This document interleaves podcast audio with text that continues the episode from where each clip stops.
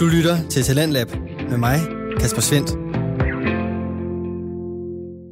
Denne anden time af Talentlab byder først på den sidste lille del fra afsnittet af Vin og Venner, en nørde samtale podcast med Mette Jacobsen og Mette Marie Svensen.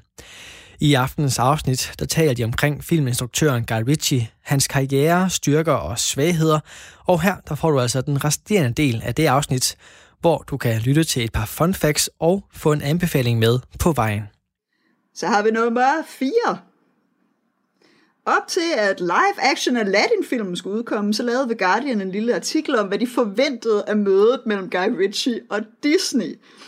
Og øh, den artikel tænker jeg lige, at vi skal, at vi skal linke til, fordi det er jo de der klassiske øh, Guy Ritchie sådan, altså stereotyper, de der ting, man tænker, at man får fra en Guy Ritchie-film, combined med good family values.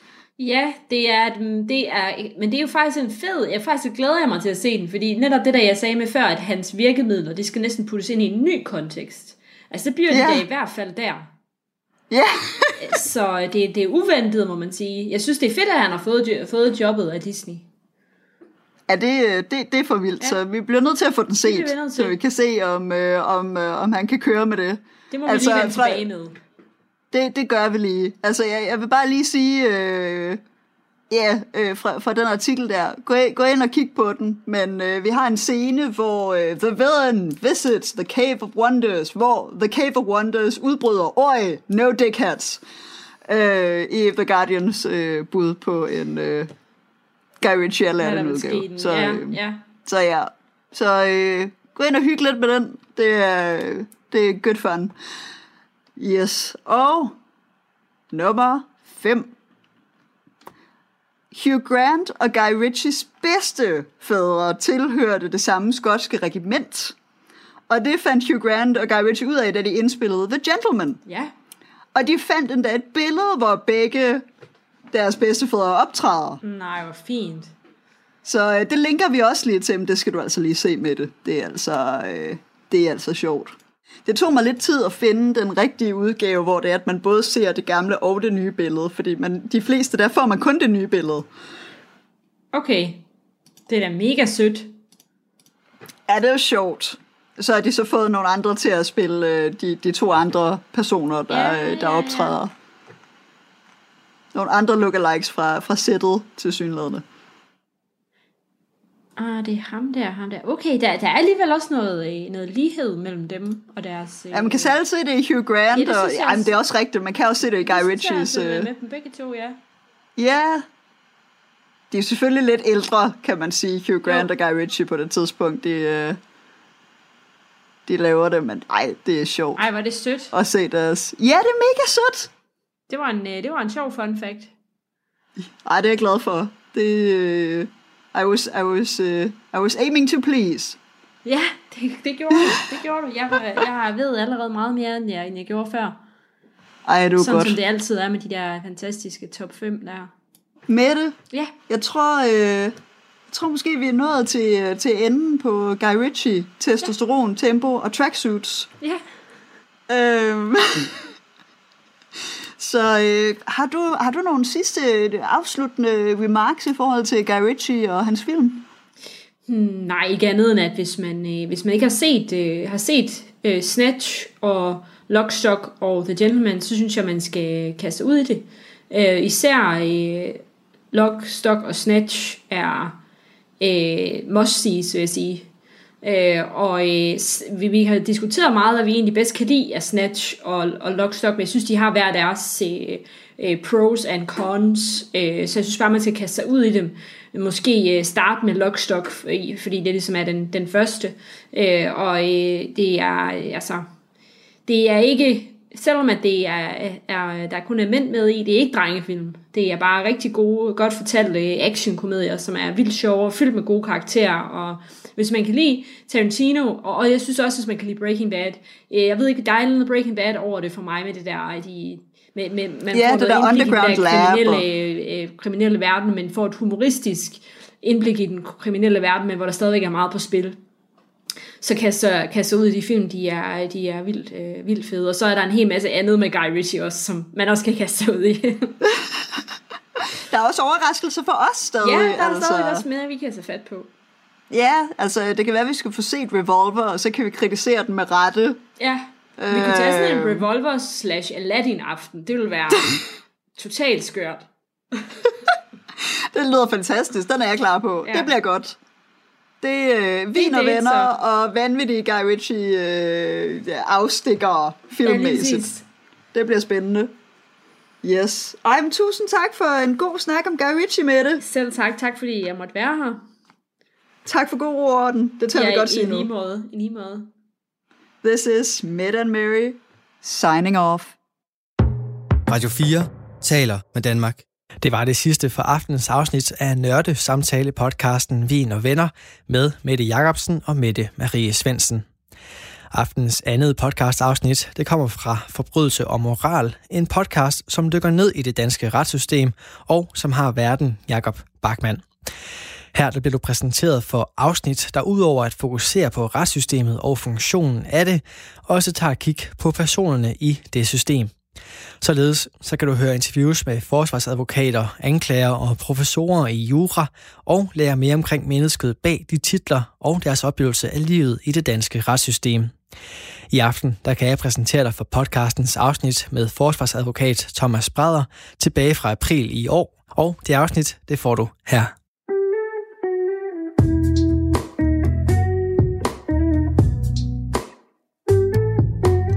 Jeg kan til enhver tid forsvare, at forsvare folk, som har gjort hvad som helst. Jeg har haft klienter, der har begået overgreb mod børn, og jeg har haft terrorsager, og det har jeg intet problem med. Sådan lyder det i den her 11. episode af Forbrydelse og Moral, hvor min gæst det er forsvarsadvokat og partner hos Datoren Advokater, Thomas Brader. Før Thomas han blev forsvarsadvokat, der havde han en lang karriere inden for Justitsministeriets område, herunder både som anklager og senere hen som senioranklager, men også som leder af en afdeling i National Efterforskningscenter NEC, der laver noget forskelligt moniteringsarbejde. I sin korte form, der går det eksempelvis ud på at kortlægge, hvilke mennesker, der hører til hvilke bander, og hvilke bander, der så er i konflikt med hinanden.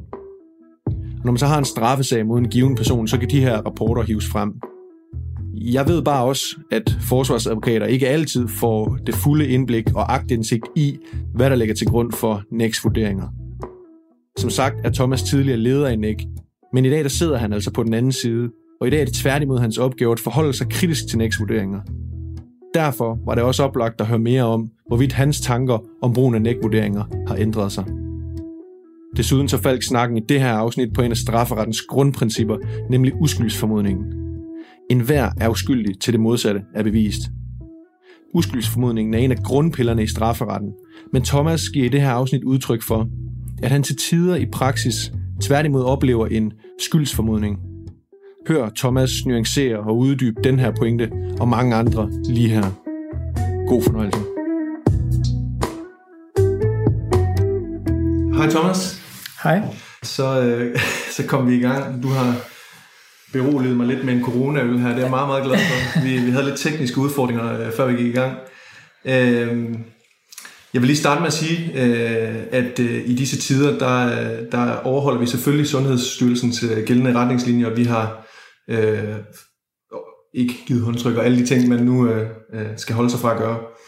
Øh, men nu er vi klar, og jeg vil bare lige øh, sige, at jeg havde egentlig tænkt, at i dag der skulle vi lave sådan en halv form for corona-special, og halv øh, traditionel øh, forbrydelse og moral øh, afsnit.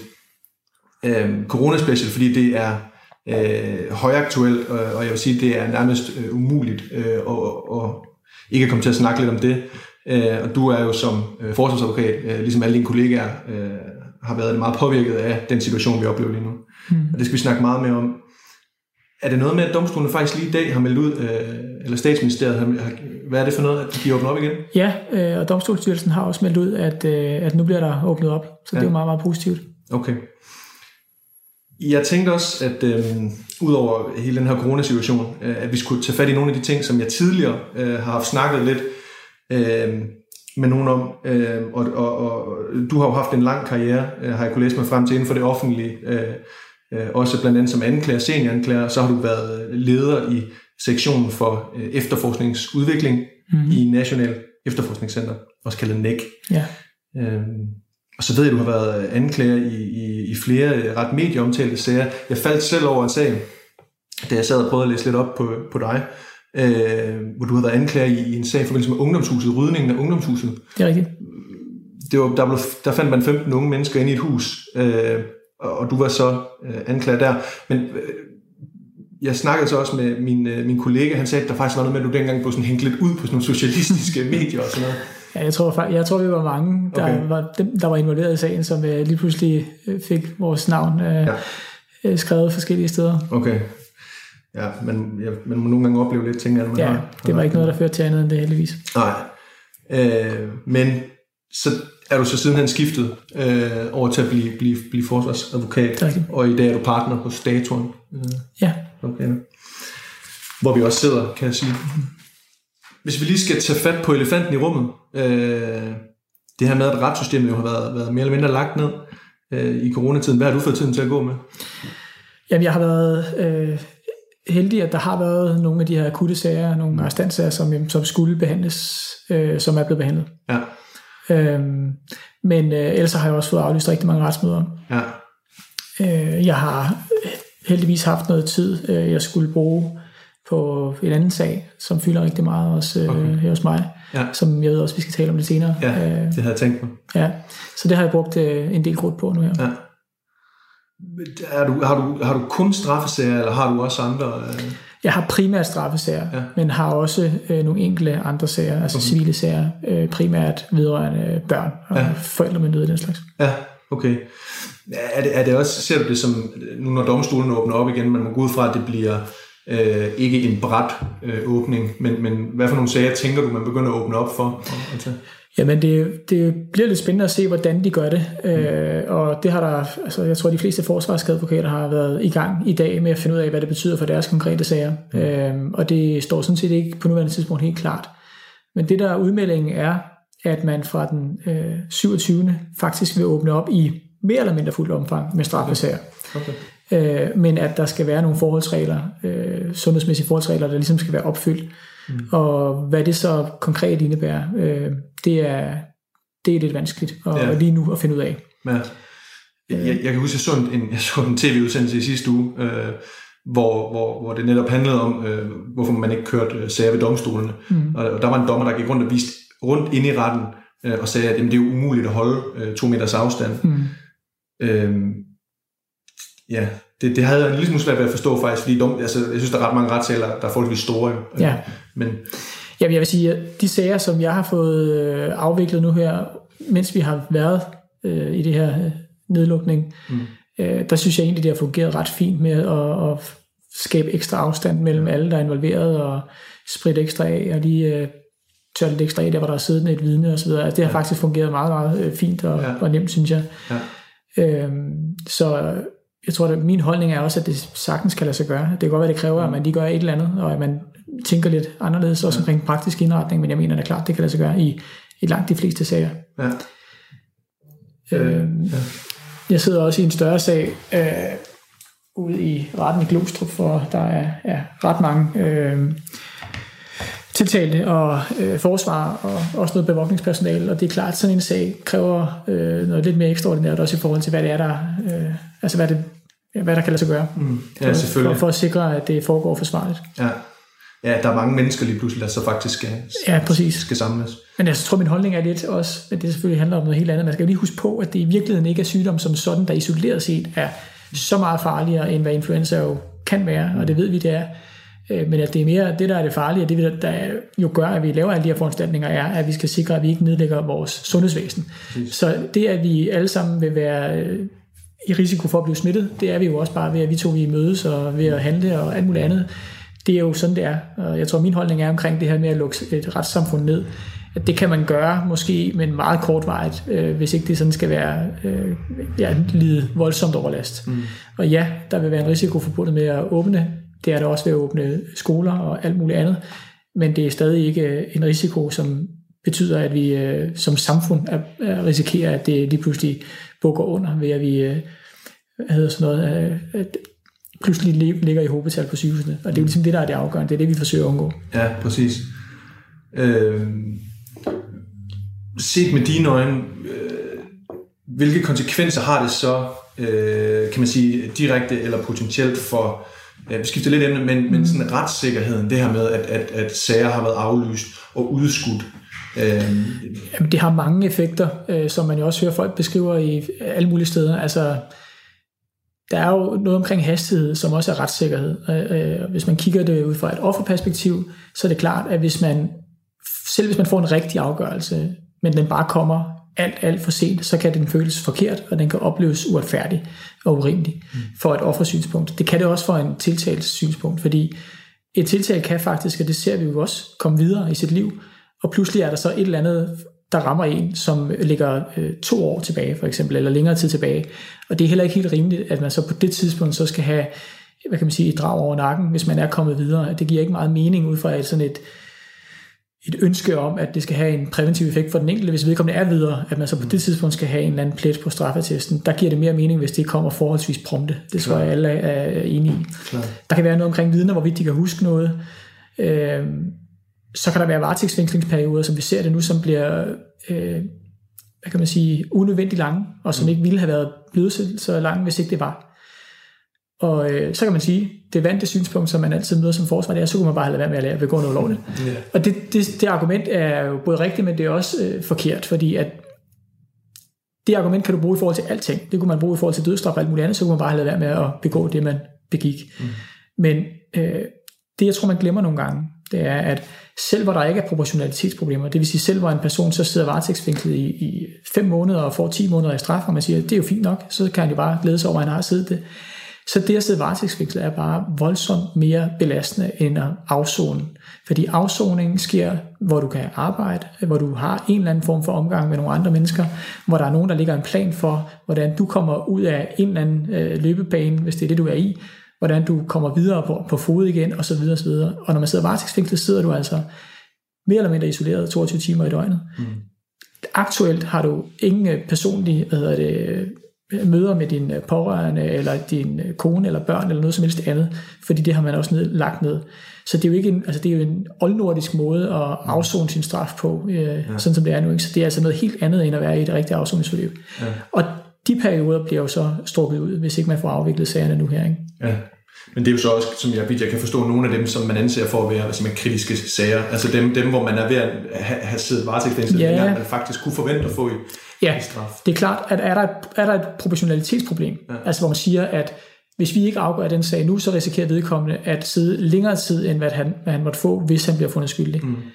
Dem afvikler man, er mit indtryk. Men ja. jeg har så sent som i øh, den her uge her, øh, tidligere på ugen, mens der var forhandlinger om åbning af hvad det, det her øh, retssystem, fået en aflysning på en arrestantsag i den kommende uge. Mm. Øh, og må man formode ud fra en forudsætning om, at man tænker, at hvis han bliver dømt, så får han mere end det, mm. øh, men hvor man har udskudt den til juni måned. Ikke? Mm. Og det giver altså lige i mig væk to måneders varetægt mere ja. øh, til ham, som det er lige nu. Og jeg har i dag omkring den sag skrevet og spurgt, om ikke vi skulle, nu i lyset af den nye melding, ja. holde fast i det retsmøde, vi havde i næste uge. Øh, men det har jeg så fået at vide, det skal vi ikke. Ja.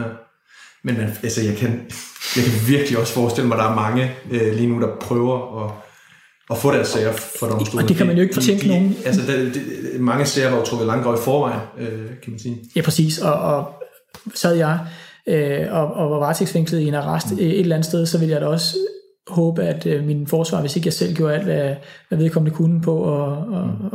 For at forsøge at få den på, på ja. programmet. Ja. Jamen, det bliver spændende, hvor, hvor lang tid... Øh, øh, nogle af de her sager kommer til at tage. Ja. Øhm, vi må håbe, at vi har, hvad kan man sige, knækket kurven, og vi er på den rigtige, øh, hvad hedder det, den grønne bølge nu også ja. med retssystemet. Og vi, ja, vi skulle være ret langt videre. På, så, så er det bare, man knækker igen, det, ja. det må vi så se. Øhm, hvis vi skal prøve at hoppe lidt videre fra, fra coronasnakken, så øh, kan man sige, at jeg lavede den her podcast for at forstå, øh, udgangspunktet var, at jeg godt kunne tænke mig at forstå øh, de enkelte aktører og mm. roller inden for retssystemet lidt bedre. Og en eller anden dag, så skal jeg jo selv vælge, hvad for en vej jeg vil gå. Øh, og der synes jeg, du var oplagt at tage fat i, fordi du jo, øh, som jeg prøvede at komme lidt ind på min introduktion, du har haft mange hatte på, mm. øh, og derfor også øh, har du et meget, meget stærkt grundlag øh, for at svare på nogle af de her spørgsmål. Men jeg vil gerne lige tage fat lidt i din sådan, faglige baggrund mm. øh, først. Øh, interessen for strafferet, øh, er det noget, der kom på jura, eller har du... Ja, altså det, det var noget, jeg blev opmærksom på på jura i hvert fald. Øh, jeg tror, at jeg har sikkert fået det lidt ind med modermælken, fordi at min far har været i, i politiet og leder i politiet i, i mange år, været der hele sin karriere. Okay. Så øh, jeg har været vant til, altså, at der har været politistof derhjemme, ikke? Øh, på den måde at snakke om det.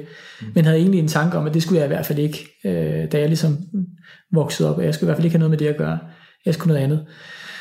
Og så havde jeg en interesse for samfundsfag i gymnasiet, jeg synes, det var rigtig spændende, og ligesom jeg nærmest har hørt flere andre sige, de vidste ikke helt præcis, hvad det var, de ville, men andet end det skulle være noget samfundsrelateret, sådan havde jeg det også. Og så tænkte jeg, at, at jura er jo meget bredt, man ligger sig ikke rigtig fast på noget, og, og kan, kan drive det til forskellige retninger. Så valgte jeg jura, og øh, undervejs på jura bliver jeg bare opmærksom på, at noget af det, jeg synes er allermest spændende, eller ikke noget af det, men det jeg tvivlsomt synes var allermest spændende, det var det, der var relateret sig til strafferet, og alle de, øh, og strafproces, og alle de, øh, de fag, der ligesom relaterede sig til det, og kriminologi og den slags. Mm. Så det blev meget åbenbart for mig undervejs på studiet, mm. at det var det, jeg ville. Hvad med din, kan du huske det tilbage i din, nu er der jo en del studerende, der lytter med, øh, er mit indtryk mm. i hvert fald. Øhm, havde du studiejob dengang, ja. som også var, var det noget strafferetligt relateret? Øh, nej, det var det ikke, øh, fordi jeg, altså nej, det var det ikke. Jeg havde studiejob under, under det hele, men det har været mere generelt af nogle andre grene. Jeg havde okay. øh, noget i det, der hedder Juridisk Laboratorium, biblioteket, der var tilknyttet jura der, og mm. så har jeg haft et Dansk Røde Kors asylafdeling, som havde lidt med noget udlænding og retligt at gøre, og så noget forsikringsretligt, så det havde egentlig noget andet. Men jeg har haft de her sommerfuldmægtige øh, stillinger i anklagemyndigheden, ah, hvor man ja. kunne prøve det af øh, som helt sikkert har været super givetigt, bare for os at prøve det, og også til, når man skulle søge senere og sige, at man havde faktisk prøvet det, og man vidste, hvad det handlede om. Ja. Og hvornår er det så, du starter som, som så har du så haft en lang karriere øh, med forskellige øh, stillinger inden, ja, inden for Justitsministeriets område, kan man Præcis. sige. Ja. Ja. Øh, jamen det gør jeg lige efter, jeg er blevet færdig på jura. Ja. Øh, mit første job er, er som, øh, det hed anklager dengang, der var ikke noget, der hed anklager fuldmægtig. Nej, men, øh, men altså som anklager i Københavns politi. Okay. Øh, og var på Bellerhøj i en periode der. Mm. Og kom så ind i det, der hedder OC, altså organiseret kriminalitet i København, og har været der i en længere periode. Øh, og videre derfra til Rigsadvokaten, hvor jeg sad med den her nye grunduddannelse, som mange af anklagerne nu sidder og kigger på, og hele ja, tilblivelsen af den, hvilket mm. var mega spændende. Ja. Jeg skulle sidde og lave uddannelse for anklager. Ja. Øh, og så var jeg over i Justitsministeriets departement i en periode, blev så senior anklaget i Midt- og Vestjyllands politi. Ja. Og derfra øh, leder af Rigspolitiet. Og så var det så derfra, jeg blev forsvarsadvokat. Okay, ja, for det var mit næste... Hvornår er det, du så starter hos, hos datoren? Jamen, det er jo nu omkring to og et halvt år siden. Okay. Ja. Og hvordan foregår det? er faktisk noget jeg har tænkt på. For der er jo ikke, altså, du er ikke den første, der laver skridtet fra at, at, at arbejde øh, inden for det offentlige, særligt at gå den vej at blive anklaget først, og så øh, for, for at blive forsvarsadvokat senere hen. Mm sådan skift, hvordan foregår det rent praktisk? Er det bare... Jamen, jeg tror, altså det, for, for mit vedkommende var det helt almindeligt en samtale, øh, og, øh, hvor øh, Karoline og Peter og Henrik var med, og hvor vi øh, taler sammen, og hvor de siger, de synes, det virker som øh, et fornuftigt køb, og så, øh, ja. så siger de ja til det, og, og jeg vil meget gerne også, øh, og så, så blev vi enige om en, en aftale, så det var sådan set ret standardmæssigt. Okay. Men det så tror jeg, at sådan noget foregår, øh, som sådan noget nu engang foregår med, at nogle gange, så kan der være uaffordrede ansøgninger, hvor der er nogen, der retter henvendelse, og andre gange er det er det den anden vej, øh, hvis man øh, mødes i retten og øh, siger, hvad vi står og mangler, kunne du tænke dig, og andre gange er det bare almindelig og jobopslag. Mm. Så, så jeg tror sådan set, det kører på alle, alle de gængse parametre. Ja. Men dengang du så skiftede, oplevede du da en form for hvad siger man, tilvændingsperiode, at, at nu skulle du pludselig sidde over på den anden side? Ja og nej. Altså jeg vil sige, der er jo noget, som er ikke det samme, men der er jo nogle grundlæggende ting, man skal kunne, hvad enten man er anklaget eller forsvar. Altså man skal jo kunne sætte sig ind i en sag og se, hvad der er både styrker og svagheder i en sag, sådan så, og derved jo også se, hvad er det, man som forsvar vil gøre gældende, hvad er det, man som anklager kommer til at gøre gældende i den sag her. Hvis ikke man kan det som anklager, kommer man jo til kort allerede der, for så bliver man overrasket, når man står nede i retten. Så det var jo i vidt omfang det samme, altså det her med at se pointerne og se alt det relevante i sagerne, og gøre det gældende, der skal gøres. Øh, så sagsarbejdet følte jeg mig meget tryg ved, og strafprocessen og alt det her. Mm. Øh, jeg tror, noget af det mest interessante nye, der var for mig, var egentlig at pludselig at opleve, at egentlig at være i modvind. Øh, det tænker man egentlig ikke så meget over som anklager. Der tænker man egentlig over, at processen er meget ligeværdig, tror jeg, og man kommer der ned og så er der en proces, og så finder vi ud af, om hvem der får medhold eller ej.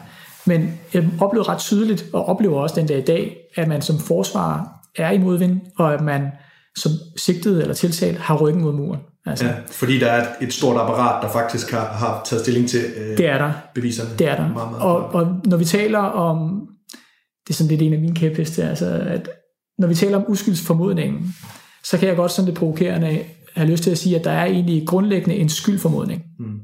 Fordi når du kommer ind, og du er tiltalt i en straffesag, og de dommere, der sidder foran dig, er vant til i 9 ud af 10 tilfælde at dømme den, der sidder i den stol, der sidder for, som, som sidder øh, foran dem, mm. øh, er vant til at høre, at så kommer der en forklaring fra den tiltalte, så kommer der et vidne, som siger det modsatte. Øh, så tror jeg, at det er svært at forestille sig, at man ikke subjektivt som dommer kan sidde og tænke på forhånd, måske er ubevidst, eller formentlig ubevidst, at ja, det er nok den vej, det kommer til at gå. Det er nok ja, det, man forventer. Ja. Øh, og jeg kan også godt opleve, at man i forbindelse med afhøringer eller andet, altså øh, leder efter øh, håret i suppen hos den tiltalte. Altså at man venter på, at man kvejer sig, eller man får sagt noget, der ikke lige passer, eller hvorfor sagde du sådan før? Og, altså at, at der jo er en generel mistænkeliggørelse i forhold til dem, fordi at man er mistænkt, fordi at man er sigtet, og man jo har fra politiets side og anklagemyndighedens side sagt, vi tror, at det er dig. Øh, så det gør bare, at man kan godt opleve, at det er, det er med ryggen mod muren, øh, at man er der. Øh, ja. Og så er der en anden, synes jeg, interessant problemstilling omkring det, eller hvad sådan en teoretisk ting, som er, at det er jo et faktum, at, at jeg som forsvarer ikke er underlagt nogen form for objektivitetsprincip. Jeg kan sige øh, stort set hvad som helst. Tvær, tværtimod. Altså. Præcis. Ja. Jeg skal jo bare forsvare ham. Mm. Øh, og det betyder også, at man øh, er jo nødt til, sådan per definition, at lytte til forsvaren med, med de ører, som det nu kræver. I modsætning jo, som kan man sige som udgangspunkt, når man lytter til anklageren, for anklageren skal jo sådan set være objektiv, mm. og må ikke bare sige noget. Mm.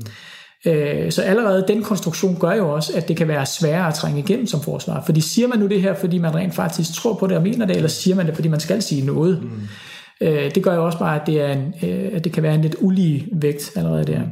Ja, ja. Så, så der er mange, som i virkeligheden er sådan nogle mere øh, psykologiske, menneskelige faktorer, som gør, at man øh, i den grad har ryggen mod muren, ja. øh, når man sidder der. Jeg har godt tit tænkt det, og det er faktisk også, altså, jeg kan ikke lade være med, altså, jeg, det tror jeg så også kommer af, at det har jeg sagt mange gange i den her podcast også, at jeg har en onkel, som er forsvarsadvokat, og det er derfor, jeg begyndte øh, selv at læse jura i, i sin tid mere eller mindre. Men jeg har altid så meget respekt for forsvarsadvokater, fordi at man som forsvarsadvokat kommer op imod, som jeg ser det, et apparat, som har taget stilling til, har vi en sag her? Mm. Og hvis de er i tvivl, så skal de altså lave altså en påtaleopgivelse, som det hedder, eller, mm. eller indstille efterforskning. Mm. Øh, og det er det, man møder op til nede i retten, og så skal mm. man kæmpe mod det. Det, ja. det synes jeg er, er sejt. Altså, ja, og det... Øh...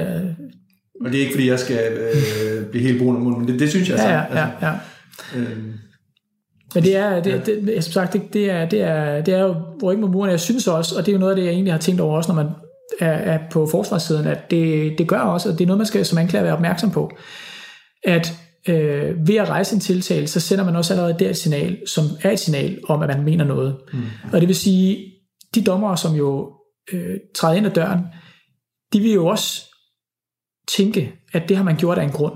Mm. Så man tænker jo fra starten, at øh, jamen, anklagemyndigheden har jo rejst tiltale. Det har de jo ikke gjort helt uden grund. De er vel ikke fuldstændig øh, tabt på jorden. Og sådan skal de jo sådan set ikke tænke, fordi i virkeligheden, en, ud fra en uskyldsformodning, skal man sådan set komme ind ad døren, og så skal man tænke som dommer, det er formentlig en fejl, mm. at ham der, han sidder der, og han har formentlig ikke gjort det. Mm. Men jeg tvivler på, at det er sådan, man psykologisk, rent menneskeligt, kan gå ind ad sådan en dør. Helt, helt bestemt. Til lige dem, som måske sidder og tænker, hvad uskyldsformodningen er, så er det jo det her med, at man er uskyldig til det modsatte er, er bevist. Mm. Og jeg vil også sige, det, jeg, jeg mener, når jeg siger men, det men, der problem... Ikke, altså, må jeg lige spørge noget hurtigt? Mm. Der er jo også sådan nogle principper, som måske øh, gør, at, øh, altså som skal spille sammen med det her. Det her med, at man ikke Øh, man vil hellere have øh, 10 øh, skyldige gå fri, end en øh, uskyldig bliver dømt. Eksempelvis. Ja. Det, det modsvarer jo en lille smule og skaber måske noget balance, i, mm. hvis jeg lige prøver. Mm. Og det er jo også... Og, øh, jeg skal passe på, hvad jeg siger, men, ja. men, men, men jeg, jeg, jeg, jeg ved ikke, om det princip gælder i praksis. Ja. Lad mig sige det sådan. Ja, ja. Øh, fordi, det, det, det, her, det her det bliver interessant, så ja, skal bare, altså. fordi det er jo et princip, som står i uh, lærebøgerne, og som vi også jævnligt citerer fra, men, men, men jeg synes også, min oplevelse er, at det kan være svært for folk at æde frifindelser, mm. selvom at, at, øh, at, at bevismaterialet kan være tyndt. Altså, og øh, og jeg, jeg, jeg sidder med en oplevelse af, at i takt med, at vi som samfund bliver mere og mere, øh, øh, hvad kan man sige, lad os styre mere og mere af retsfølelsen, og mere og mere af, at det er også for galt et eller andet, så bliver det måske også sværere, at, øh, eller så fylder den del, som er sådan en, en øh, et lidt mere diffus stolthed omkring nogle retsprincipper, måske også mindre og mindre. Mm. Øh, og så skal der i det lys måske også mindre til at dømme, end hvad der har skulle før. Ja. Det er jo totalt svært at sige, hvis ikke det er meget svært at undersøge. Jo, men det er retsfølelsen jo egentlig. Præcis, men, altså, men, men man kan godt nogle gange sidde med den fornemmelse, at, at, øh, at vi i virkeligheden ikke er villige til mm. at lade det antal gå fri for ja, ja. at frem for en der der bliver øh, uskyldigt dømt. Men altså, ja. men det er jo sådan nogle øh, ja, antagelser. Men når jeg siger uskyldsformodningen og kontra skyldformodningen, så er det jo fordi, at jeg mener, jeg tror egentlig, at, at der kan være en subjektiv formodning om, at den pågældende er skyldig. Men der skal selvfølgelig være beviser. Det er klart, at hvis man kommer ind i en sag, så sker der frifindelse, hvis ikke man bliver, der bliver fremlagt nogle beviser. Mm. Men jeg tror, man, jeg tror, man må sande, at der nok er mange, der har en formodning om, at den pågældende er skyldig, mm. men at så kan det godt være, at han bliver frifundet. Ja. Øh, og, ja. ja, okay. Så det, så det er lidt den, den omvendte øh, vej. Altså. Jeg tror subjektivt, så tror jeg, at det kan være den omvendte vej. Ja. ja. Nå, det, er, det er vildt interessant øh, at høre om. Øh, jeg har godt... Øh, jeg har lidt haft en evergreen med i, i den her mm. podcast. Øh, øh, vil jeg faktisk tillade mig at kalde den. Øh, du skriver på din hjemmeside, øh, eller der står inde på, på, på Statoens hjemmeside, Thomas håndterer alle typer af straffesager, både i by- og landsret, også når det drejer sig om særlige spørgsmål vedrørende politiets efterforskning. Øh, for mig at se, så, så lyder det til, at du tager simpelthen alle typer af straffesager her. Jamen det gør jeg det også. Gør også. Det gør jeg også. Okay. Øhm, og i, i forlængelse af den diskussion, der også har været på de tidligere podcasts, mm. om der er nogle sagstyper, man ikke tager, øh, så er øh, mit standpunkt, at jeg tager alle typer af, af straffesager. Jeg har ikke nogen, jeg ikke øh, er et eller andet princip ikke tager. Mm. Okay. Øhm, og hvorfor så det? Jamen, øh, det ville jo være dejligt, hvis nu jeg sagde, at, at, øh, eller interessant, hvis jeg sagde, at jeg synes, at uh, Peter Sikker, som ja. har nogle sagstyper, han ikke tager, og ja. Schønemann, som jo også har konkluderet, ja. kan jeg forstå, at han, ja, der er sagstyper, han ikke tager, så sagde jeg, at det var et, uh, et forkasteligt synspunkt. Det synes jeg ikke. Mm. Uh, men som jeg også forstår, er, så som er min holdning, det vil selvfølgelig være et principielt problem, mm. hvis det var svært at få en forsvar, hvis nu man var tiltalt for uh, vold eller uh, overgreb mod børn og man så ikke kunne få nogen, fordi hver gang man ringer, så siger folk, det, det tager jeg bare ikke af. Ja. Det vil være et, et problem. Sådan er det jo heldigvis ikke i praksis, mm. fordi at, at der er folk, som tager de sager. Øhm, og jeg er egentlig også, jeg, for, jeg, jeg synes, det er helt fair, at det er op til den enkelte øh, at vurdere, om man vil tage sagen eller ej. Og, øhm, og det rigtige er også at sige nej til en sag, hvis ikke man føler, man vil tage den. Mm. Øhm, jeg oplever ikke at have problemer med at tage nogle sager. Mm. Øh, jeg kan sagtens have det, altså hvad kan man sige, på det personlige plan, eller på det uprofessionelle plan, kan jeg sagtens have nogle sager, jeg synes, der er ubehagelige. Ja. Men det er ikke noget, som, øh, altså det er ikke noget, jeg synes, der påvirker mig mere, end det skal. Det er ikke noget, der gør, at du vil ikke sige nej til Nej, nej, præcis. Det er ikke noget, der gør, at jeg ikke siger nej, altså at jeg siger nej til sager. Øh, og man, altså, det er jo også et faktum, at man møder alle mulige klienter, som, hvor øh, der er nogen, man kan klikke enormt meget med, og der kan være nogen, man klikker mindre med, og der kan være nogen, man synes også på det personlige plan er sympatiske, og nogen, man synes på det personlige plan ikke er sympatiske, men, men det, er jo, det er jo ikke så vigtigt for mig i den opgave, jeg har. Nej. Og jeg kan til enhver tid forsvare, at forsvare mm. øh, folk, der har gjort hvad som helst. Ja. Altså, jeg har haft øh, personer, der har begået overgreb mod børn, og har terrorsager, og alt muligt andet. Så det, det, det har jeg intet problem med. Mm. Jeg kan sige, der er... Altså, Hvordan som anklager, havde ja. der på samme måde? Var der nogle sager, du ikke øh, brød om at tage som anklager? Altså? Nej, det var der ikke. Altså jeg tog også som anklager alle typer af sager. Mm. Men øh, der var nogen, der... Altså der var også som anklager nogle sager, som påvirkede mig mere end andre. Mm, altså for eksempel sager mod børn. Øh, øh, men, øh, men ikke, at jeg ikke øh, så kunne tage dem. Mm. Øh, men... Øh, øh, min, min, min holdning er, altså at, at øh, og som sagt, alle har, har, har krav på et forsvar, også et ordentligt forsvar. Jeg mener også, at jeg kan levere et ordentligt forsvar på alle typer af sager, mm. fordi at, at, at, at, det, at det er en professionel opgave. Mm. Øhm, men øh, men der, man kan sige, der, der er sager, som sagt, som er hårdere for mig, og jeg vil ikke have noget ønske om at være øh, specialist i, øh, i sager om overgreb mod børn, sådan så at det var 90% af min, øh, at, at det, det, de sager, jeg har, fordi det kan være hårdt. Mm. Altså, øh, men, men jeg har intet problem med at have dem, men, men, men holder faktisk meget af at have forskellige sager. Ja. Øh, så, ja, men også kunne jeg forestille mig faktisk ud fra altså sådan en, noget, noget, en, faglig... Ja, bestemt. Altså det, det er jo med til at, altså, at holde en uh, op på duberne i forhold til ja. alle sagstyper. Absolut. Ja. Okay, jamen det er interessant. Det, øh, det, det, det er en, jeg kommer til at tage med mm. øh, til, til alle forsvar, jeg skal snakke med ja. så. Øh, jeg kunne godt tænke mig lidt til fat i det her med, at du har været øh, i en periode, der var du leder ved, ja. ved National Efterforskningscenter. Øh, jeg ved, at de laver noget, noget hvad hedder moniteringsarbejde. Ja. Øh, kan du ikke lige prøve at forklare lidt, øh, hvad det er for en form for arbejde, og hvad det var, du lavede? Jo. Jeg ved godt, det er, lidt, det er jo ikke noget, du laver i dag, men, men jeg har ja. et spørgsmål, som relaterer sig til det her. Ja, bestemt. Jamen, NEC er jo en afdeling i Rigspolitiet, øh, som har håndteret mange forskellige øh, ting, men som alt sammen er noget, der sådan er strengt relateret til efterforskning og også organiseret kriminalitet, øh, sådan kategorisk. Og øh, en af de ting, som de nok er mest kendt for at lave, det har været sådan noget som øh, monitering af, af rock- og bande-relaterede øh, øh personer. Og det vil sige, at, at der er ligesom sådan et regime, som hedder, at hvis man er, er registreret som rock- og bandemedlem, jamen, så skal enhver øh, kontakt med, med det pågældende øh, person sådan set registreres, sådan, så man hele tiden ved, hvem, er, hvem render den pågældende rundt og er sammen med, og hvordan foregår det osv. Mm. Øh, og det handler om for dem at de til enhver tid skal kunne svare på, om en person er efter deres overbevisning rock- og bande-relateret.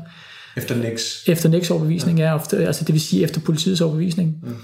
Øh, og for at kunne gøre det, er de jo nødt til så at have et eller andet grundlag for at sige det. Det nytter ikke noget, at det var han engang i 80'erne, og så har vi jo ikke øh, ved vi jo, at det gør der sket med ham siden. Der er de så nødt til at have et eller andet opdateret billede, og det er så den måde, de gør det på.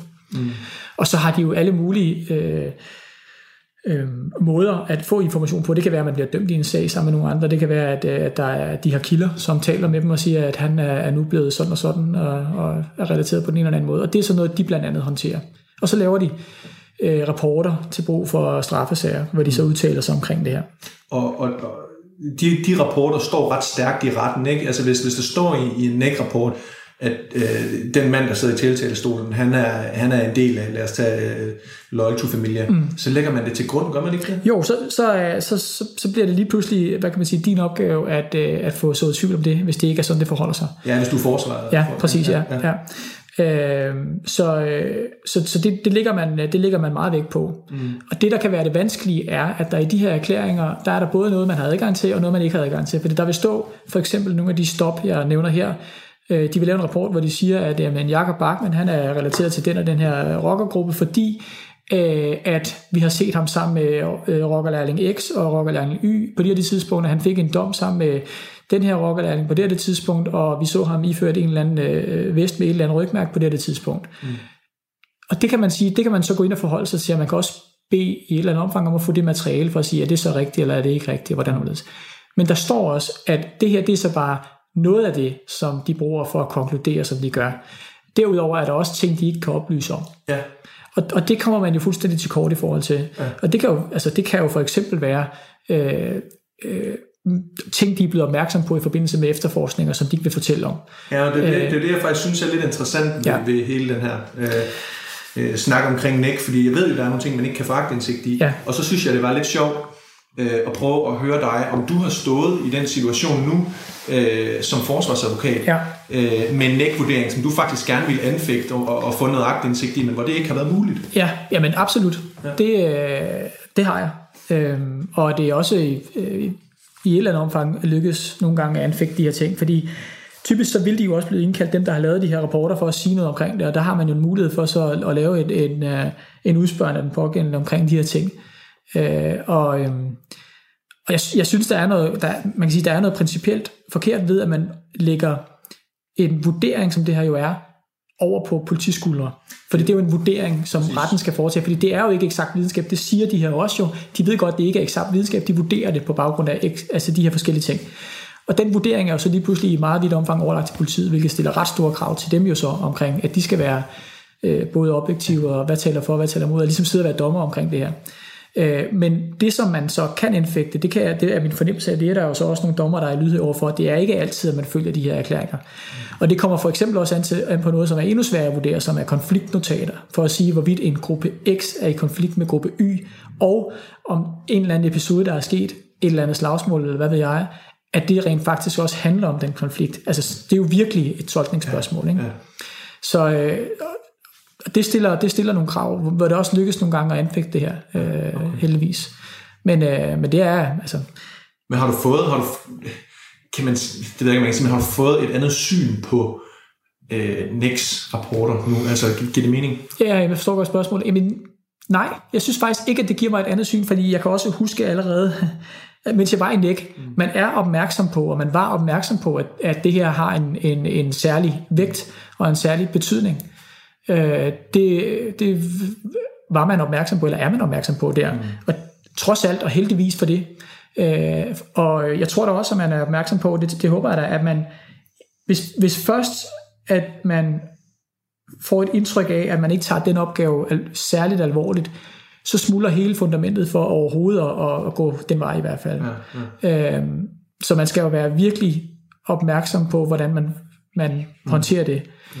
Øh, men jeg vil sige, sådan et konkret problem, som jeg har oplevet i relation til det, det kan være, at det kan være enormt svært at slippe ud af sådan en registrering, fordi du kan jo have med folk at gøre, som måske får en dom som banderelateret, og som så vælger at sige, ved du hvad, nu gider jeg ikke det her mere, jeg slutter nu, og går i et eller andet exit-forløb øh, i kriminalforsorgens regi, eller måske ikke engang går i et exit-forløb, men bare beslutter sig for, at det her, det vil jeg ikke længere. Mm. Men det er jo ikke nok, og du kan sådan set sidde rigtig lang tid i fængsel og være registreret, men fordi der så ikke er, kan vi sige, modregistrering, fordi politiet går jo ikke ind og spørger dig nødvendigvis i det fængsel, så kan, du, øh, så kan det være enormt svært at slippe ud af ja. en, en, et stempel om, at du er registreret. Ja.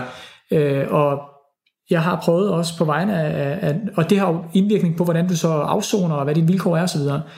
Øh, og jeg har forsøgt også på vegne af, af, af nogle klienter, også ligesom at få ændret ved det her. Det er enormt svært. Mm. Øh, fordi når først man ligesom sidder derinde, så er du ude af deres søgelys, og dermed er det også meget, meget vanskeligt for dem at konkludere, om du er, om du er ude. Ikke? Ja, ja. Øh, så det har, sådan, det har en lidt øh, en uheldig øh, effekt, synes jeg. Ja, det, det ligger næsten for mig lidt op til en, en, en snak, vi må tage en anden gang. Ja. Altså det her med, at når du, når du simpelthen kommer ind i, i, i hele straffesystemet, så er det faktisk meget, meget svært at komme ud igen. Ja, ja, jamen, det er men, en, men det, det, det, ja, en det interessant problemstilling. Ja, helt sikkert.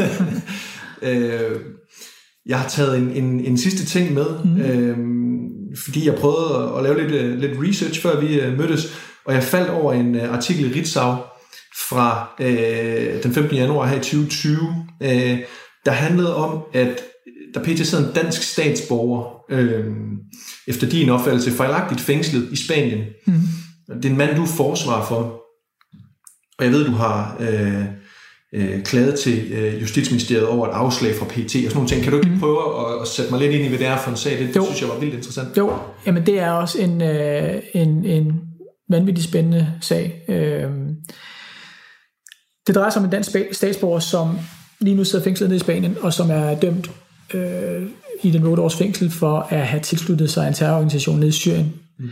Øh, og øh, baggrunden er, at han bliver anholdt af spansk politi, mens han i virkeligheden er turist dernede, og man undersøger ham, finder ud af ved at kigge på hans telefon videre, at han har været i Syrien, og det ser ud som om, han har været involveret i nogle kamphandlinger dernede. Og det synes man er, er, er selvfølgelig er meget interessant, og man ender med at undersøge det nærmere. Alt sammen ender så med, at man rejser tiltale øh, mod ham, om at han ved flere lejligheder har været i Syrien, og han har deltaget i kamphandlinger dernede, og man mener, at dem, han har kæmpet med, er en terrororganisation, eller er betragtet som en terrororganisation. Og det må man ikke i Spanien, øh, lige så vel som alle mulige andre steder, og man, øh, man tiltaler ham for det. Han har forklaret, at hans, øh, det han har haft af aktiviteter i Syrien øh, på nær den allerførste rejse, hvor han var dernede, øh, har handlet om, at han øh, har samarbejdet med danske efterretningstjenester. Ja. PT og FE, altså politiets ja. efterretningstjeneste og forsvars efterretningstjeneste. Øh, det fortæller han faktisk meget åbenhjertigt om, øh, allerede i øh, mere eller mindre førstkommende lejlighed dernede til det politiet dernede. Men man, øh, bottom line er, at det, det tror man sådan set ikke på fra de spanske øh, myndigheders side. Og man siger øh, blandt andet i, i dommen, at, at det ville jo være mærkeligt, at øh, de danske myndigheder jo så ikke øh, meget klart og hurtigt har tilkendegivet, at, øh, at det var sådan, det forholdt sig, øh, hvis det nu vidderligt var sådan, det forholdt sig. Øh, og øh, man afslår, han kommer med en bevisanmodning fra sin forsvarsside og fra hans side om, at man indhenter oplysninger fra Danmark omkring, hvad der har været samarbejde, eller hvad der ikke har været samarbejde. Den anmodning kommer de med under efterforskning, hvor det bliver afslået af, øh, hvad kan man sige, undersøgelsesdommer dernede. Man kommer med den under første behandling i første instans, man kommer med den øh, som en klage i anden instans, man kommer med den som en klage i tredje instans, og det bliver afslået alle gangene. Man mener ikke, at det er relevant øh, at øh, indhente de oplysninger fra Danmark. Og man henviser til det, jeg sagde før, om at det jo er åbenbart, at sådan noget ville nok komme af sig selv, hvis det var sådan. Øh, og to, at der har været noget kontakt mellem de spanske politi og danske myndigheder i et eller andet omfang, hvor vidner fra spansk politi siger, at der har de danske myndigheder ikke tilkendegivet noget om, at der skulle være et sådan samarbejde. Og så finder man det ikke relevant at, at bygge videre på. Mm. Noget af det, han blandt andet er, man specifikt har dømt ham for, det er to pengeoverførsler fra Danmark til, øh, til ham, mm. som jeg mener er på en eller anden vis har været terrorfinansiering, og det kommer fra to navngivende danske navne i Danmark. Mm. Øhm, Men har de nogle relationer til nogle offentlige myndigheder? Det, ja, hvis du spørger ham, øh, så kommer de penge netop fra, fra PT første beløb og FE andet beløb. Øh, men det vanskelige for ham, siden dernede, er at bevise det. Ja, ja, selvfølgelig. Øh, men kan du ikke, altså du har haft noget kontakt ja. til PT? Ja, jeg gjorde så det, øh, at jeg startede med, som man skal gøre, øh, helt formelt og bad om agtindsigt hos øh, PC omkring at, at, at få alle relevante oplysninger i forhold til det her. Det fik jeg et afslag, et standardafslag om, at det gør man ikke. Udgangspunktet er, at man ikke kan få noget, noget indsigt. Så bad jeg specifik, om at få specifik indsigt i relation til netop de to pengeoverførsler. Og jeg bad dem om at bede, eller hvis de gerne ville det, afkræfte, at de penge her skulle stamme fra dem. Det fik jeg også et afslag på. Altså de forholder sig ikke til det? De vil ikke forholde sig til det, okay. nej. Øh, og den afgørelse har jeg så klaget over til Justitsministeriet, som man kan. Okay. Og det er her starten af maj, et år siden, at jeg har klaget til JM, øh, uden at få svar på det. Ja, okay. Øh, ja, og derudover så har jeg så skrevet til Forsvars Efterretningstjeneste tilsvarende, bedt dem om at oplyse øh, alt, hvad der er, og hvis ikke alt, hvad der er, så i hvert fald forholde sig til de her pengeoverførsler. Dem har jeg ikke fået noget svar fra. Mm. Øh, jeg har skrevet til tilsynet for efterretningstjenesterne, som jo så holder øje med begge, efter, øh, begge tjenester, øh, som er, øh, og, hvad kan man sige, bedt dem om at gå ind i sagen og undersøge nærmere og pålægge dem over udlevere nogle oplysninger. Og dem venter vi lige nu et svar på. Okay. Et svar fra. Ja. Og det bliver rigtig spændende at se, hvad de siger. Ja, det, det er virkelig interessant. Altså fordi, hvis der er noget om det, ikke, så er det jo ja. Helt grundlaget for det, han Som det altid, det kan være fuldstændig uinteressant at høre en forsvar sige, at jeg mener, at min klient er uskyldig. Ja. Men det, jeg mener, at alle, som lytter til en podcast af den her karakter, må kunne se, er, at det er jo helt afgørende oplysninger for en domstol at have med i betragtning, om han har været agent for Danmark, om han har været øh, betalt og udsendt af Danmark til Syrien, eller om det er fuldstændig på egen hånd det er jo helt fundamentalt for at vurdere forsæt og hvad der har været motivet ved hans rejser og så videre. Altså så man kan sige, uanset hvad man måtte øh, mene om, om min holdning til, hvad det skulle ende med, så har jeg svært ved at se, at man kan have en anden holdning, end at det selvfølgelig er relevante oplysninger at vurdere og kigge på, når man øh, skal træffe afgørelse i sagen. Ja. Jeg sidder og tænker på, hvad der, hvad der ligger til grund for, øh, at man afslår enten at bede eller afkræfte det, fordi jeg ved, at PT, øh, FI for den sags skyld også for min, altså er meget nødigt ved mm. at være åbne over for deres efterforskningsmetoder. Altså det vil de, de vil de helst ikke øh, have nogen viden noget om, og det er måske sådan noget, der kunne... Jamen, jeg har, også, jeg har fået det spørgsmål flere gange, også fra andre journalister, om hvorfor er det, at de ikke udlevere oplysninger omkring det. Og øh, altså, jeg vil jo ønske, at jeg kunne svare på det. Øh, det kan jeg simpelthen ikke svare på andet end, at jeg har et indtryk af, at det jo er standardsvaret, og at det er det, man tyr til øh, stort set uden undtagelse. Mm. Kun i de tilfælde, hvor det sådan er fuldstændig uproblematisk, fordi at der måske ikke er nogen registreringer på en borger, og at det drejer sig om en, som er ved jeg, psykisk syg, og som tror, at nogen overvåger, og som måske kan berolige sig, at man siger, at det gør vi ikke, eller et eller andet retning, så giver man oplysninger. Men ellers så er standardsvaret bare, at man ikke får noget. Mm. Og det er jo navnligt mit indtryk i tilfælde, hvor hvor der er nogle oplysninger, hvor man så netop ikke vil give nogle oplysninger, ja. bare som standard. Og det er ud fra en eller anden, øh, og det er også det, der gør det svært at forstå for alle andre, at det er ud fra en, en mere eller mindre øh, diffus generalisering af, at det vil skade efterretningstjenesten. Mm. Øh, men min holdning er, at der er altså også andet, der kan skade efterretningstjenesten. Ikke, ikke mindst det forløb her, mm. øh, og det man har gjort eller ikke har gjort det her, det her forløb her, synes jeg jo i den grad også er skadende for, for efterretningstjenesten. Ja. Fordi selvfølgelig kan man forstå, at man skal lade være med at give oplysninger, hvis nu øh, den pågældende han er blevet taget i Syrien, og man dernede øh, fra hørte ham på video sige, vil I være venlig at bekræfte, at jeg var øh, udsendt af jer, så skåner det mit liv, eller et eller andet, at man så sagde, det gør vi ikke, fordi det, det tror vi ikke på, eller mm. det her, det kan helt utvivlsomt øh, øh, gøre, at han lider skade, så er det jo tale om, at det er jo en, det er jo en af vores venner, altså det er spanske myndigheder, mm. som har taget ham for noget, som er begået et helt andet sted. Så det er jo nogle personer og nogle myndigheder, man har en forventning om, at, at øh, ja, vores efterretning, også, ja. præcis, at, at vores efterretningstjeneste er i stand til at samarbejde med. Ja. Og man kan sige, det jeg har fortalt nu er sådan set det, der er, det er hans forklaring under sagen osv., så, så har Berlingske jo i en, øh, en helt fantastisk artikelrække afdækket, hvordan det rent faktisk har været med deres kilder, mm. som er øh, fantastisk interessant læsning og et, et helt øh, unikt stykke journalistisk arbejde, hvis jeg skal sige det. Ja øh, hvor de fortæller historien om, hvad det egentlig er, der er sket. Og det interessante, det er jo også, hvordan alt, hvad han siger, bliver bekræftet af andre kilder. Okay. Øh, så, øh, så det er jo det, der gør det øh, til en ret vild ja, historie. Det, det, det er noget, jeg lige kommer til at... Ja, altså fordi alle kan sætte sig ind i, at det er jo det nemmeste at sige, man sidder dernede, jeg er blevet sendt ud af Danmark, og hvis man så ved, at de ikke vil sige noget, jamen, så kan jamen, man jo til enhver tid øh, ja. bare, bare påstå noget. Så, og, og ja, jeg vil sige, jeg synes faktisk, det er ret kreativt. Altså, jeg synes, det er relativt kreativt. Ja, og det, det er det jo også med alle de detaljer, den detaljegrad, der er. Men, men man kan sige, det, det, jeg har fuld forståelse for, hvis folk de tænker for første, første gang, de hører det, siger, ja, ja, den er sikkert god med ham. Men, men altså, læs øh, Berlingskes afdækning, så mm. tror jeg, at man sidder tilbage med et noget andet indtryk. Det vil jeg gøre. Vil du hvad? Jeg tror, vi er kommet op på, jeg kan se, vi har vi er lige ved rundt i 45 øh, minutter, og jeg har ikke med, så jeg tænker, vi skal, vi skal runde af. Jeg har en flaske vin med dig.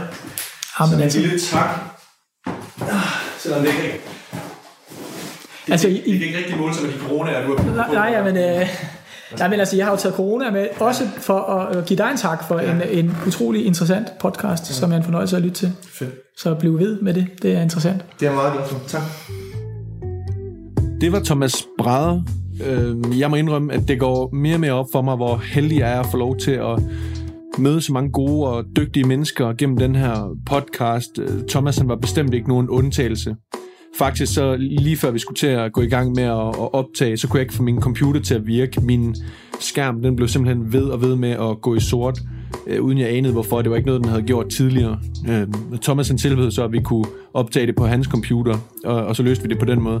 Endnu en gang øh, tak til dig, Thomas, for lige at træde til, og i øvrigt kan man sige, bære over med mine øh, manglende tekniske egenskaber. I bund og grund så startede jeg jo den her øh, podcast for cirka et halvt år siden, fordi jeg ville snakke med nogle øh, mennesker om strafferetten og om retssystemet og om de forskellige veje, man jo kan gå. Øh, og jeg har uden tvivl øget min indsigt i den her verden markant. Øh, og en af de ting, jeg har fundet ud af, er, at de spørgsmål, som jeg egentlig troede var relativt enkle at svare på, de har vist sig at kunne besvares på rigtig mange forskellige måder, afhængig af, hvem man spørger. Og det synes jeg er helt vildt interessant. Og så har podcasten jo så også bare vist sig at være den bedste undskyldning, kan man sige, for at tale med nogle af de mennesker, som inspirerer mig allermest. Øh, og derfor så tænker jeg også at blive ved med at, at udgive den. Øh, jeg kan jo også se, at der efterhånden er en del andre, som synes, det er fedt at høre historier og meninger fra, kan man sige, retssystemets aktører. Og jeg håber også, at jer, der lytter med, øh, bliver inspireret og, og, af mine gæster øh, og lærer noget af dem, ligesom jeg øh, føler, jeg gør. Øh, anyways, det var vist det for nu. Tak til min producer, Sebastian Igens, og tak til dig, fordi at du lyttede med her i Forbrydelse og Moral. Radio 4 taler med Danmark. Det var det sidste for denne omgang Talentlab. Jeg kunne præsentere dig for to danske fritidspodcast. Først, der var det fra samtale-podcasten Vin og Venner med Mette Jacobsen og Mette Marie Svensen, der nørdede omkring filminstruktøren Guy Ritchie. Og dernæst, der var det Jakob Bachmann, som interviewede forsvarsadvokat Thomas Brader i en episode af podcasten Forbrydelse og Moral. Du kan finde andre afsnit fra begge podcasts inde på diverse podcast-platforme, hvis du ønsker at dykke videre ned i de to universer, og så kan du selvfølgelig også finde tidligere Talentlab-afsnit inde på radio4.dk. Og derinde, der kan du altså også sende din egen fritidspodcast ind til programmet her, hvis du ønsker at dele den med endnu flere, samt deltage i vores podcast Udviklingsforløb. Vi har ingen begrænsning for, hvad din podcast den kan eller skal handle om, og der er heller ingen krav til længden på din podcast-afsnit, eller hvor tit du sender sådan et. Mit navn er Kasper Svendt. Tak fordi du lyttede med, og på genlyt.